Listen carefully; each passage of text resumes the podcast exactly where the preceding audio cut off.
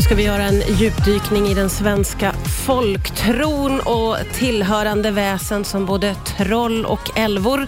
Dagens gäst har grundat Trollska skogen i Hälsingland. Välkommen Helena Brusell. Tack så mycket. Vi får börja med att du berättar, vad är Trollska skogen för någonting?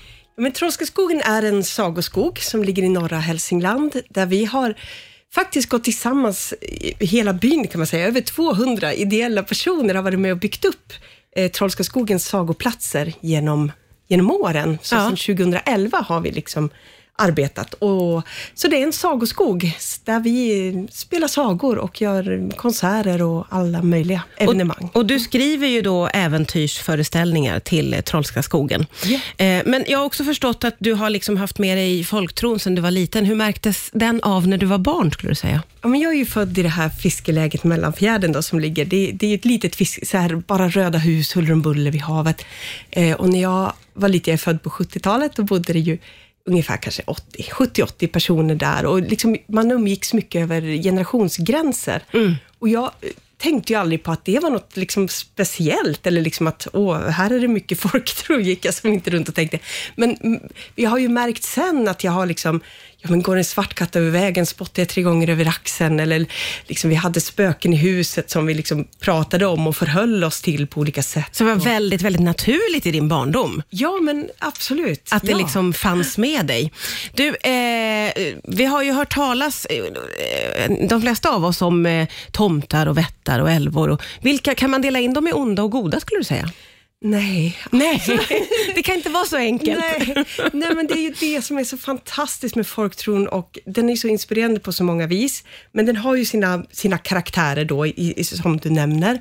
Eh, men det som är så klurigt är ju att den är ju liksom muntligt berättad genom så otroligt många generationer. Ja. Och människor har liksom lagt till och dragit ifrån och det finns, den liksom består, den är full av motsägelser också, där där trollen kanske är onda i ena sägnen, men sen i nästa så får man hjälp och man har ett utbyte med varandra. Och, så att liksom motsatser påstås samtidigt. Ja, ja, ja, ja, ja. Ja, och det är ju väldigt mycket som är lokalt, har jag ju förstått. Eh, att man, liksom, man tror olika beroende på var man bor, helt enkelt. Absolut, det kan ju vara sånt där som om man ska lägga blommor under kudden på midsommaraftonsnatten där. Ja. Då kan det vara olika antal blommor beroende på var i landet man befinner sig. Och, så folktron är liksom jättelokal, men den är också väldigt global. Alltså det finns eh, väldigt liknande myter över hela, hela världen. Mm.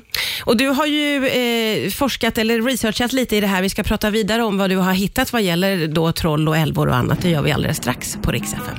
Vi gör en liten djupdykning i den svenska folktron idag och dess väsen. Det är Helena Brusell som är här, som har grundat Trollska skogen i Hälsingland. Och eh, du har ju, eh, ja, men du har ju gjort en liten djupdykning och liksom läst på och då kommit fram till att alla har inte alls samma uppfattning om troll och älvor. Ett troll för mig ser ju ut på ett visst sätt och, och är liksom lite farligt och ont, men så är det verkligen inte för alla. Nej, det kan ju se ut på väldigt många sätt, men det som är också väldigt coolt med de här väsendena är ju också att om, om din mormors mormors mormors mormor skulle höra ordet troll, så skulle hon också få en bild i sitt huvud, Ja. att har gått genom så många generationer.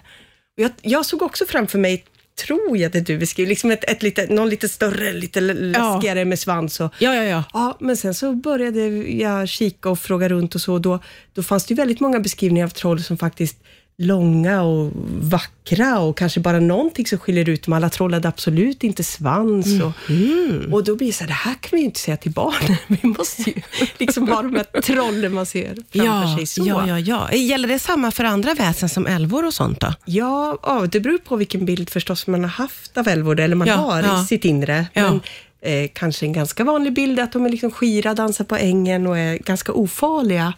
Men om man läste i Nordiska museets arkiv, då tar sig älvorna in genom nyckelhålen, eh, eller liksom i dörrspringorna, kryper upp i vaggorna till de små nyfödda barnen. Det här är läskigt. Nej, men de är ju hemska. Ja, de är hemska. Och så suger de liksom på fingrarna eller kinderna så de får blåsor och sår. Och, ja. Elaka, Ja, elaka i en beskrivning. Sen Ja. finns det ju massa. Och, och kom ihåg, alla är ju rätt. Folktron är ju liksom allas vår Ja. berättelse. Men vad intressant det är att man kan uppfatta ett väsen så himla olika då. Eller uppfatta, ja, vad kommer det sig att man har så himla olika tankar, tror du? Ja, men jag tänker också att det är ju vad vi har behövt. Om vi, om vi har en liten baby då innan liksom vi har vetenskapen vid vår sida som vi har idag, Mm. och så är den full av prickar eller någonting har hänt, då vill vi ju förstå vad är det som har hänt? Och då har ju de här liksom sägnerna hjälpt oss. Jaha, nu har det varit älvor här och gjort det här. Ja. Och då kan vi ju bota det genom att kanske offra någonting till älvorna eller blå, har de fått, eh, man kan ta ett nässelstrå och blåsa tillbaka sjukdomen på älvorna. Ja. Och så kan man ju då tänka sig i fantasin att om, om man gjorde det, om barnet hade någon form av prick och så eh, offrade man någonting, så kanske det gick över efter några dagar. Så då fick man väl en bekräftelse på att jo, men det här funkar ju Ja, fint. man behövde en förklaringsmodell och så fick man liksom ett svar. Ja, nu faller ju allting på plats här Helena, det är tur att du är här. Ja, idag gästas jag av Helena Brusell som har grundat Trollska skogen i Hälsingland. Vi pratar om svensk folktro och de väsen som finns där i och eh, otroligt eh, fint förklarat att man ju förr i tiden i många fall behövde någon slags förklaringsmodell för vad som händer när man inte riktigt har koll på varför ett barn blir sjukt och så vidare. Och just eh, tomtar, hustomtar och vättar väl, har väl väldigt mycket med det att göra vad gäller en gårds skörd och sådana saker, tänker jag. Ja, absolut. Man ska ju vara väldigt rädd om sin hustomte och liksom eh, behandla honom väl och framförallt behandla djuren och barnen väl så att han stannar kvar på gården och bringar lycka. Ja. Då. Så han, han hjälper till med väldigt mycket olika saker. Ja, just det. en riktig vrången. Man får inte heller liksom, han ska ha sin gröt med smör på julafton som lön för året. Ja. Eh, Men det finns någon sägen att de gav honom nya kläder som julklapp och då blev han jätteförnärmad och sa, jaha, duger inte det här som jag har Ah, lite på mig sur då?" och tvär. Ska göra på sitt sätt, förstår Ja. man. Men eh, hustomte och jultomte är två skilda saker. Mm, precis. Det, de, de Det får inte helt- blandas ihop. Nej, de kommer från, men de delar ju namnet, Ja. så, tomte. Och, och det var väl Jenny Nyström när hon målade eh, de där i slutet, i sekelskiftet, som, ja, som hopblandningen blev ännu mer tydlig, så att Ja. säga. Men de är ju verkligen varandras motsatser. Ja, det får man ju säga då, om hustomten är lite vrång och vill göra på sitt sätt. Du har ju fått eh, jobba ihop med Ebbe Schön. Hur var det? Ja, han, han, eh, han hjälpte mig under de första åren när jag var väldigt mycket inne på att säga, jag måste hitta, hitta rätt och göra rätt. Och får man göra så här med folktron och vems är det? Och så, då var han ett, ett väldigt fint eh, stöd i det och jag fick ställa mina frågor till honom. Och det var, han sa också då att en av de starkaste moderna myterna är myten om den moderna människan. Att vi tror att vi som människa förändras så mycket för att liksom, tekniken runt oss och, och världen förändras, men att, att vi som, som människa eh, eh, drivs av samma saker som vi gjorde liksom, för många hundra år sedan också. Vem ska vi gifta oss med? Hur ska vi få rikedomen att räcka? Hur ska maten räcka vid vintern? Hur ska vi hålla barnen friska och Ja. skyddade från faror? Det är samma grundfrågor på något Ja. sätt. Du, hur eh, närvarande skulle du säga är folktron idag? Ja, mer än, mer än, än, än jag tänkte mig att den skulle vara. Eh, dels är det väl det är ganska vanligt ändå att man pratar kanske om just spöken, gengångare.